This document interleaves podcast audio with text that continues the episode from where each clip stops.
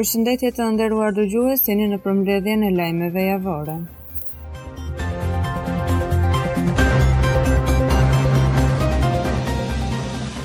Lajmet e ditës së hënë. Kryeministri Edi Rama gjatë një takimi me qytetarët e Peqinit ka thënë se Partia Socialiste ka si synim që të amnistojë paratë e padeklaruara të emigrantëve që kanë synim të investojnë në Shqipëri. Sipas Ramës, emigrantëve që do të vijnë të investojnë në vendin tonë, do t'u jepen 5000 euro grant. Kreu i Partisë Demokratike Lulzim Basha ka zhvilluar takim online me kryetaren e Partisë Konservatore Britanike të kryeministrit Johnson dhe këshilltarin e bordit të tregtisë në Britani Daniel John Hannan. Gjatë bashkëbisedimit online Basha u shpreh se Partia Demokratike synon të rikthejë shpresën tek qytetarët, pasi sipas tij domosdoshmëria për ndryshim ndjehet në çdo familje. Presidenti Ilir Meta në një intervistë të jashtëzakonshme ka reaguar për daljen e të dhënave personale të 910.000 votuesve shqiptarë, duke akuzuar kryeministrin Edi Rama dhe Partinë Socialiste për këtë që ai e quan skandal. Presidenti Ilir Meta tha se patronazhistët e Partisë Socialiste janë futur dhe tek jeta intime e qytetarëve. Ai ka shtuar se qëllimi i kësaj shkelje privatësie është bërë me qëllim për t'i shantazhuar për votën. Ambasadorja e SHBA-s në Tiranë Yuri Kim ka zhvilluar një takim me kreun e Këshillit të Lartë të Prokurorisë Gent Ibrahimin. Kim bën me dije se fokusi i këtij takimi ishte reforma në drejtësi. Gjithashtu shprehet se detyra e kushtetueses është të garantojë pavarësinë, përgjegjësinë dhe disiplinën e prokurorëve, ndërsa shton se duhet t'i rezistojnë presionit dhe të bëjnë drejtësi. Komiteti Teknik i Ekspertëve njoftoi ditën e hënë se duke nisur nga e marta, qytetarët që futen në Shqipëri nga Maqedonia e Veriut dhe Greqia do duhet të qëndrojnë në karantinë për dy javë. Shkak për vendosjen e karantinës janë shifrat shqetësuese në këto dy vende fqinje. Kryetarja e Komitetit të Ekspertëve Mira Rakacolli tha po ashtu se si rezultat i përmirësimit të shifrave gjimnazistët e viteve të para dhe të dyta mund të fillojnë skenarin e kthimit në shkolla. Karantinimi i detyruar për udhëtarët nga Maqedonia e Veriut dhe Greqia do të jetë në fuqi deri më datë 3 maj. Të shtëna me armë zjarri janë regjistruar mbrëmjen e sotme në zyrën elektorale të Partisë Demokratike në Kavajë. Burime bëjnë me dije se një 25-vjeçar i identifikuar si Gledi Okshtuni ka mbetur i plagosur. Ai u dërgua në spitalin e Durrësit ku mori ndihmën e parë mjekësore. Mësohet se sherri ka nisur mes anëtarëve të Partisë Socialiste dhe asaj Demokrate në qendër të qytetit në lagjen Sharr. Një ngjarje e rëndë është regjistruar pasditen e sotme në xhaminë Dine Hoxha në rrugën e Kavajës në Tiranë ku një person ka plagosur me thikë pesë besimtarë. Sipas policisë, ngjarja ka ndodhur rreth orës 14:30 në rrugën e Kavajës Rudolf Nikolli, 34 vjeç nga Burreli, i cili është futur në ambientet e xhamisë dhe në rrethana ende të paqarta ka plagosur me mjete prerëse pesë shtetas.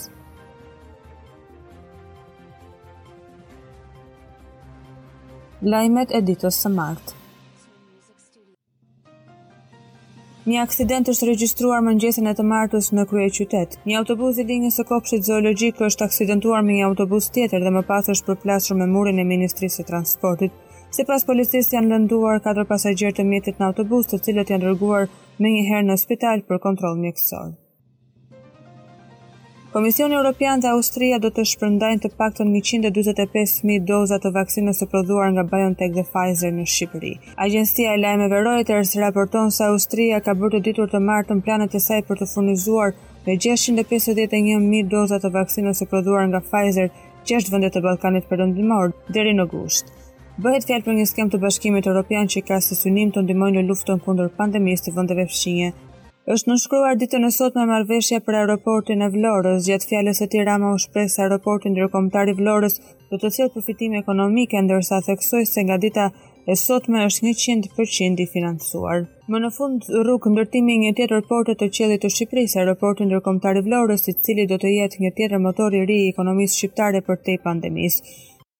Pasditen e sotme Ministrja e Shëndetësisë Ogerta Manastirliu dhe ajo e infrastrukturës Belinda Balluku kanë ndjekur nga afër procesin e vaksinimit të stafeve të aviacionit civil, i cili ka nisur sot në stafin e Air Albania në qendrën e vaksinimit Air Albania. Ministrja Manastirliu tha se procesi i vaksinimit do të shtrihet edhe në transportin urban. Ne jemi të angazhuar që të vijojmë vaksinimin jo vetëm për punonjësit civilë, por gjithashtu ta shtrijmë edhe tek punonjësit e transportit duke bashkëpunuar me Ministrinë e Infrastrukturës për të gjithë këto subjekte të cilat ofrojnë këtë shërbim. Transporti publik është shumë i rëndësishëm pasi ato janë direkt në kontakt dhe ofrojnë shërbime të rëndësishme për qytetarët, Dhe ne i kemi në prioritetet tona për të filluar vaksinimin në një moment sa më të shpejt, tha Manastirliu. Kreu i kadastrës Artan Lame ka reaguar për herë të parë pasi gazetari investigativ Artan Hoxha publikoi ditën e sotme një regjistrim audio në të cilën dëgjohet se si ai u jep udhëzime punonjësve për të vepruar në shërbim të fushatës zgjedhore. Lame nuk e mohon audion, por tha se është zbardhje e një diskutimi të vitit 2017 e thekson pas zgjedhjeve parlamentare.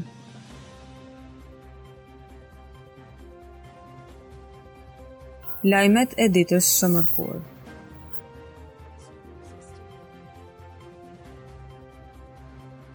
Policia e Shkodrës ka finalizuar operacionin e koduar Perash, duke goditur një rast të tentativës për shitje të farave të kanabisit me qëllim kultivimi, një rast të shitjes së lëndëve narkotike dhe një rast të armbajtjes pa leje.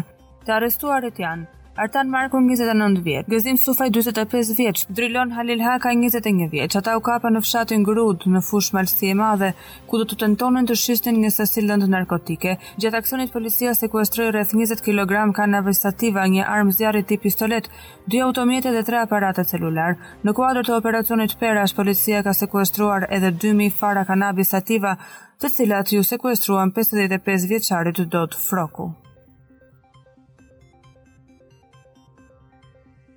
Media greke Proto Tema në një artikull që mban titullin Edi Rama do të përpiqet shumë që të rizgjidhet shkruan se ky i fundit po përpiqet të marrë sërish një mandat të tretë, edhe pas një sërë dështimesh. Po ashtu në artikull përmendet edhe skandali me të dhënat e qytetarëve që janë në dorën e qeverisë në pushtet. Ndër të tjera shkruhet se Shqipëria ka vendosur një karantinë për shqiptarët që do duan të udhëtojnë në vendlindjen për të votuar. Në artikullin e plotë thuhet, Në 25 prill Shqipëria do të mbajë zgjedhje të përgjithshme dhe për shkak të një serie dështimesh korrupsioni skandalesh niveli të lartë të varfërisë dhe hapave të prapambetur që rezultuan në 15 kushte të vështira për hapjen e negociatave, Shqipëria është në prag të ndryshimit të pushtetit. Kryeministri Edi Rama vijon sulmet ndaj ish-kryeministrit Sali Berisha dhe presidentit Ilir Meta, ndërsa kundërshtarin e tij politik për t'u bërë kryeministër e quan kukull në dorë të tyre. Në qytetin e Fushë-Krujës, Rama u tha qytetarëve se nëse opozita vjen në pushtet, Shqipëria kthehet pas në vitet e 1997, në kohën e piramidave. Rama u premtoi një Shqipëri më të mirë se Kroacia, ndërsa me gjuhën e tij denigruese ofendoi votuesit e djathtë. Presidenti Ilir Meta ka thënë se vendosja e karantinës për shqiptarët nga Greqia është një akt i rëndë dhe antikushtetues. Në një konferencë për shtyp ai është shprehur se qeveria aktuale po përfiton nga situata e pandemisë dhe nuk lejon emigrantët të marrin pjesë në votime. Ai ka hedhur edhe një akuzë ndaj qeverisë duke thënë se po fsheh 10.000 viktima nga COVID-19. Nga rajoni numër 1 i qytetit të Vlorës ku mbylli fushatën drejtuesi politik i Partisë Socialiste për qarkun e Vlorës Damian Gjiknuri pati disa mesazhe edhe për Metën. Ai u bëri thirrje qytetarëve të kenë kujtesë dhe t'i përgjigjen me referendum vote thirrjeve të presidentit për kryengritje. Gjiknuri në mbyllje të fushatës në rajonin numër 1 në Vlorë ka kërkuar mandat të tretë për të vazhduar investimet. Vlora vazhdon të përcjellë përplasje përmes socialistëve dhe presidentit Ilir Meta. Deklaratave të kreut të shtetit se po u ushtrohet presion zgjedhësve, Gjiknuri është përgjigjur me thirrje për pjesëmarrje në votime. Kryetari i Partisë Demokratike Lulzim Basha ka vijuar me takimet e tij elektorale edhe këtë të mërkurë ku ka qenë i pranishëm në qytetin e Korçës dhe është pritur nga qindra mbështetës nën brohoritjen Basha dhe Rama ik. Kryetari i Partisë Demokratike mbushi plot pedonalen e Korçës në takimin elektoral përmbyllës të këtij qyteti, ku i bën thirrje mbështetësve më 25 prill të votojnë numrin 9 për ndryshimin e Korçës dhe të gjithë Shqipërisë.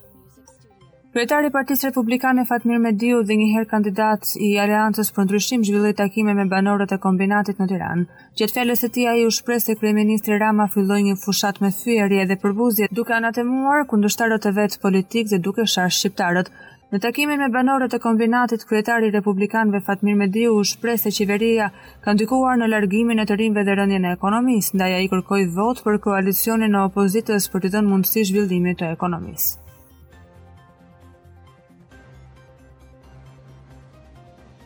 Ambasadorja e Amerikës Yuri Kim ka njoftuar se në javën e parë të muajit maj në Shqipëri do të vijnë edhe disa gjeneralë të SHBA-s si pjesë e Defender 21. Në një postim që ka bërë në rrjete sociale, ajo thekson se do të vëzhgojë forcat amerikane dhe ato shqiptare të cilat po punojnë së bashku në këtë stërvitje historike ushtarake.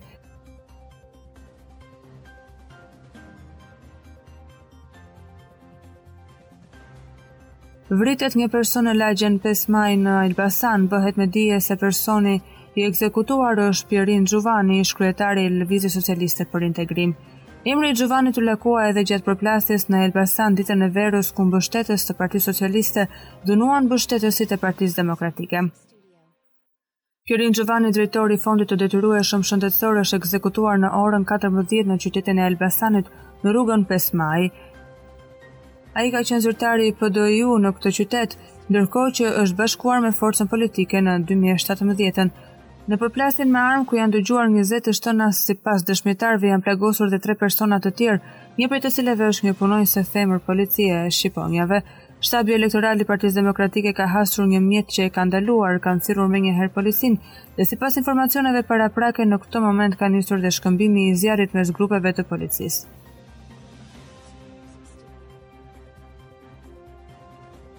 Lajmet e ditës së enjte.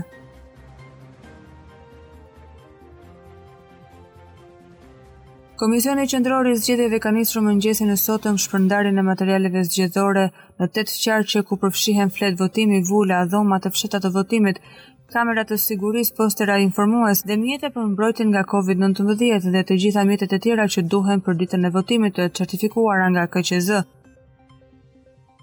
Zëdhënësja e Komisionit Qendror të Zgjedhjeve Drilona Hoxha ka njoftuar se ditën e sotme do të nisë shpërndarja e kutive dhe fletëve të votimit në pjesën më të madhe të qarqeve të Shqipërisë.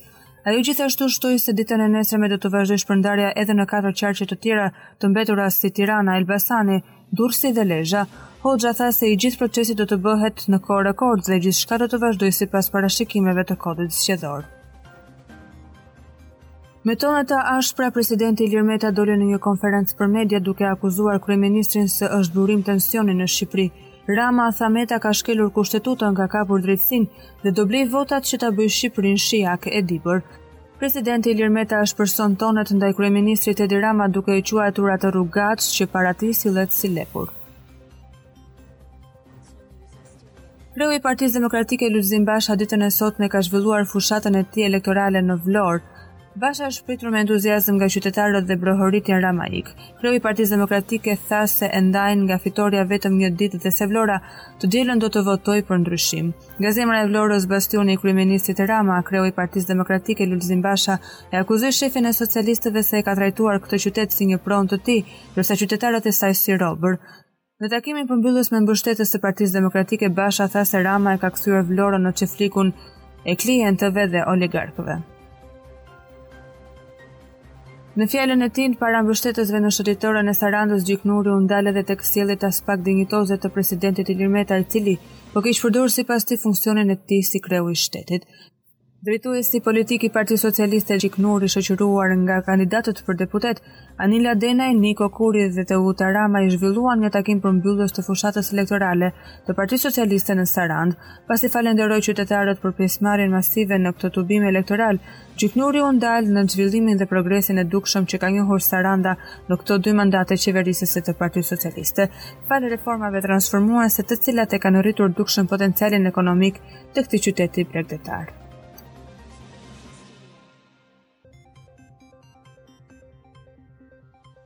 Belind Këlliçi, kryetari i forumit rinor të Partisë Demokratike ditën e sotme ka dhënë një deklaratë të tij në SPAK në lidhje me ngjarjen e djeshme ku ndaloi një makinë me ushqime të cilat sipas tij do shpërndaheshin në këmbim të votave. Në një deklaratë për mediat Këlliçi ka thënë se në SPAK ka dorëzuar fakte që sipas tij kanë të bëjnë me pazare nga ana e kryetarit të njësisë administrative Gentian Myrto në lidhje me lehtësimin e procedurave për blerjen e një vote. OSBE ka reaguar në lidhje me ngjarjen e djeshme në Elbasan, ku mbeti i vrarë Pjerin Xhuvani dhe u plagosën tre të tjerë. Në një postim në rrjetet sociale OSBE shkruan se zgjedhjet e 25 prillit janë një mundësi demokratike e jashtëzakonshme dhe nuk mund të njollosen me gjak. Prezenca e OSBE-së në Shqipëri vërejti me shqetësim incidentin e dhunshëm që çoi në humbjen e jetës në Elbasan. Mendimet tona janë së pari për familjen e viktimës, ne besojmë fuqimisht që fushata zgjedhore dhe përgatitjet e zgjedhjeve janë një mundësi demokratike e jashtëzakonshme, e cila nuk mund të njolloset me gjak dhe dhunë. Ardi Veliu, drejtues madhor i Policisë së Shtetit gjatë një konference për shtyp ka dhënë detaje në lidhje me vrasjen e Pjerin Xhuvanit, ngjarje e cila trazoi Elbasanin. I pyetur se si ka nisur shkëmbimi i zjarrit mes palëve, Veliu ka thënë se në lidhje me këtë nuk mund të japë informacion sepse është pjesë e dosjes hetimore. Kreu i grupit të Partisë Socialiste Taulant Balla ishte ditën e sotme në Belsh ku ndër të tjera u shpreh se Partia Demokratike në 30 vjet kanë nxitur dhunë. Ai nuk harroi të thumbonte as presidentin Meta.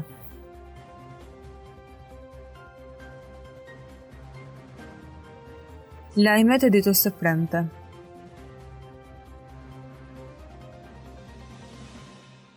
Drejtuesi politik i Partisë Demokratike në Korçë, Edmond Spaho ka denoncuar përfshirjen e punonjësve të njësisë administrative Vreshtas, të cilët janë kapur me materiale komprometuese.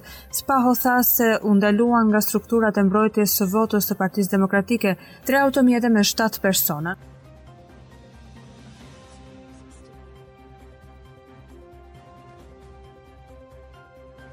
Kryekomisioneri i Komisionit Qendror të Zgjedhjeve Ilirian Celibashi në një konferencë për shtyp ka bërë me dije se gjatë ditës së sotme do të shpërndahen të gjitha materialet zgjedhore në të gjitha komisionet e qendrave të votimit në të gjithë Shqipërinë. Po ashtu Celibashi njoftoi dhe shpërndarjen në të gjitha komisionet zonale të administrimit zgjedhor 5199 pajisje të identifikimit. Ai u solli në kujtesë qytetarëve se nuk duhet të lejohet që votuesit të hyjnë në qendrën e votimit me aparatin celular. Çdo votues që do hyjë në qendrën e votimit me celular do të konsiderohet si një tentativë për të fotografuar votën.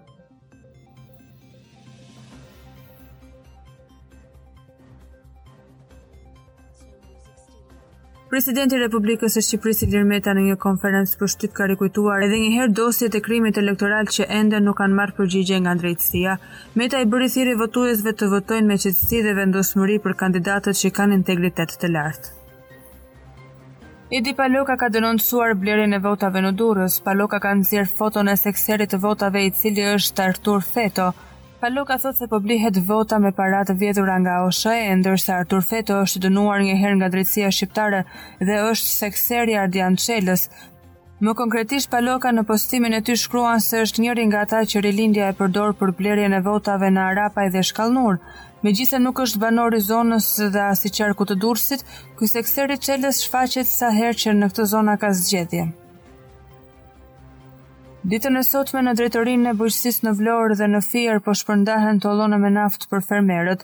Fermerët e prisnin naftën prej muajsh, mirëpo shpërndarja e tyre është bërë vetëm një ditë para nga zgjedhjet. Në Vlorë dhe në Fier fermerët kanë bërë të ditur se ishin në pritje të naftës prej 2 muajsh dhe vetëm dje janë njoftuar për tërheqjen e tyre. Vetë fermerët pranojnë se kjo mund të ketë lidhje me mbajtjen e zgjedhjeve gjatë ditës së nesërme, por shprehen se nafta është një e drejtë që i takon dhe janë të detyruar që ta marrin.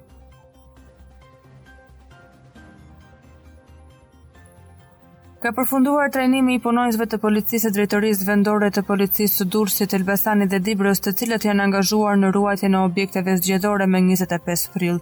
Secili punonjës policie i trajnuar është pajisur me Secili punonjës policie i trajnuar është pajisur me librin e xhepit kujtesë dhe me dokumentin identifikues sipas numrit kodik të punonjësve që do të angazhohen me shërbime gjatë procesit zgjedhor. Gjithashtu është ngritur dhe një grup pune nga këto drejtori që do të raportojnë masat për ruajtjen e objekteve zgjedhore për çdo qendër votimi.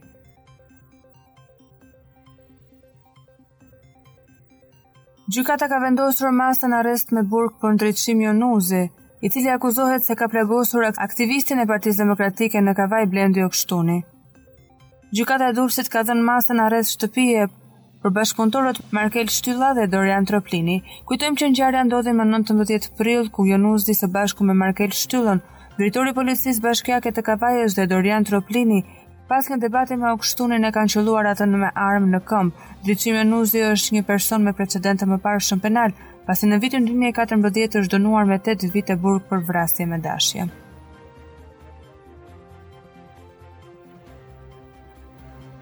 Lajmet e ditës së shtunë. Një ngjarje e rëndë ka ndodhur ditën e djeshme në Divjakë, ku është dhunuar Elisa Bita, aktiviste e Partisë Demokratike. Bita pretendon se është dhunuar nga shefi i Komisariatit të Policisë në Divjakë, Altin Shehu.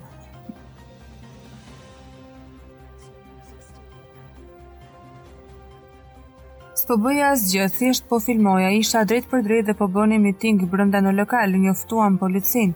Erdhi shefi dhe më goditi vetë, më mori telefonin, më tërhiqte me forcë, tha ajo. Dyshohet se shkak i konfliktit është bërë pasi Bita ka bërë një video live në rrjetin social Facebook të saj, ku ka qenë duke filmuar një takim elektoral në një ambient në Divjakë, dhe policia ende nuk ka një njoftim zyrtar.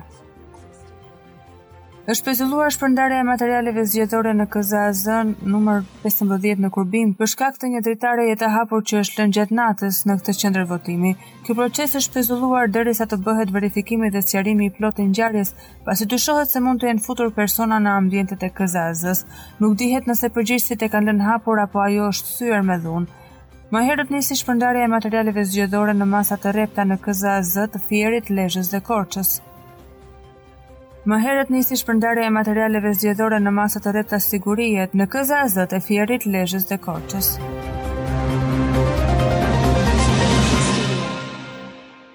Lajmet e ditës së diel. Shqiptarët iu drejtuan sot kutive të votimit për të zgjedhur parlamentin dhe qeverinë e re. Procesi i votimit në të gjithë vendin është hapur në orën 7 të mëngjesit. Janë 3 milionë 588 mijë 869 shtetas shqiptarë me të drejtë vote. dhe pesë mijë e njëqind e nëntëdhjetë e nëntë qendra votimi. Presidenti i Republikës Ilir Meta ka votuar në njësinë numër 5 të kryeqytetit. Meta ka thënë se barazinë para ligjit na e garanton barazia e votës. Të votojmë të lirë, të zgjedhim kandidatët më të ndershëm dhe më me integritet, tha ndër të tjera presidenti i Republikës në mesazhin e tij. Kryetari i Partisë Demokratike Lulzim Basha ka votuar në qendrën e votimit 1929, një nga lagjet më të vjetra të Tiranës. Basha iu drejtua qytetarëve që të dalin dhe të vendosin me votën e tyre për vendin, fëmijët dhe të ardhmen. Kryeministri Rama ka votuar në qendrën e votimit në fshatin Surrel në Tiranë. Sot është një ditë e bukur, sot është dita që të mos ushqejmë asnjë ndjenjë negative ndaj askujt që me votën e vet shpreh një opinion tjetër, ka thënë Rama. Albin Kurti pasi ka dhënë verdiktin e tij në kutinë e votimit ka thënë se çdo shqiptar duhet të respektojë atdheun duke bërë zgjedhjen e duhur. Duke iu përgjigjur pyetjes së gazetarëve për të dhënë një mesazh në ditën e zgjedhjeve, drejtuesja e misionit të OSBE ODIHR për vëzhgimin e zgjedhjeve në Shqipëri, Ursula Gacek, u përgjigj misioni im është për të parë mbarëvajtjen e procesit zgjedhor. Me anë të një postimi në Facebook, Ambasada e Shteteve të Bashkuara të Amerikës shkruan se sot është një ditë e rëndësishme për demokracinë e Shqipërisë. Sakaq janë publikuar dhe disa foto nga ambasada e SHBA-ve të ekipit të vëzhgimit. Ne do të jemi duke vëzhguar, sot është dita juaj, shkruan ambasada në postim. Ambasadori i Mbretërisë së Bashkuar në Tiranë Norman Duncan nga qyteti i Durrësit tha se ka shumë ndërkombëtarë që po monitorojnë dhe po vëzhgojnë zgjedhjet këtë herë. Vetëm ambasada britanike ka tetë skuadra që po monitorojnë procesin e zgjedhjeve. Në orët e para të procesit të votimit ka pasur disa problematika në disa qendra. Kryekomisioneri i zgjedhjeve Ilirian Celibashi ka thënë se në 142 qendra votimi Nga pesë mijë e njëqind e nëntëdhjetë e nëntë gjithsej në të gjithë vendin ka patur probleme në procesin e identifikimit elektronik dhe procesi po bëhet manualisht. Komisioni Qendror i Zgjedhjeve raporton se deri në orën 11 kanë votuar 19.66% e personave sipas të dhënave që janë marrë nga qendrat e votimit. Tirana vazhdon të ketë raportimin për pjesëmarrjen më të madhe në votime me njëzet e një pikë nëntëdhjetë e katër për qind, ndërkohë që më të ulëtën e ka Vlora me trembëdhjetë për qind. Në një tjetër raportim për media disa orë më parë, kryekomisioneri Celibashi ka deklaruar se është sulmuar aplikacioni i KQZ-së, prandaj është ndalur në orët e mesditës raportimi për pjesëmarrjen e qytetarëve në votim. Celibashi tha se ka patur dhe raste sporadike të pezullimit të përkohshëm të procesit të votimit.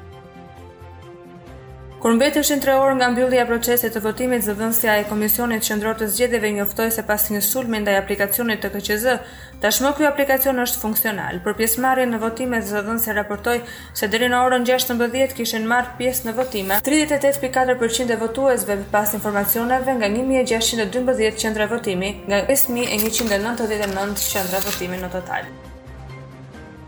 Partia Demokratike nëpërmjet zëdhënëses Floriana Garo i është drejtuar me një mesazh shqiptarëve për të marrë pjesë në votime.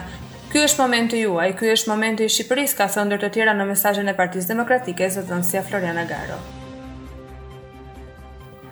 Nga qyteti i Shijakut, presidenti Meta i ka bërë thirrje banorëve të Shijakut, të Gjipalës e të tjerë, që të votojnë me qetësi në mënyrë që t'i zbardhim faqen Shqipërisë përpara Europës. Një person me automjetin e tij ka hyrë në sheshin Skënderbej duke çarë barrierat e vendosura dhe duke rrezikuar jetën e qytetarëve. Klodiani ishte i riu që e neutralizoi veprimin e personit që me veprimet e tij agresive po rrezikonte jetën e personave që gjendeshin në sheshin Skënderbej.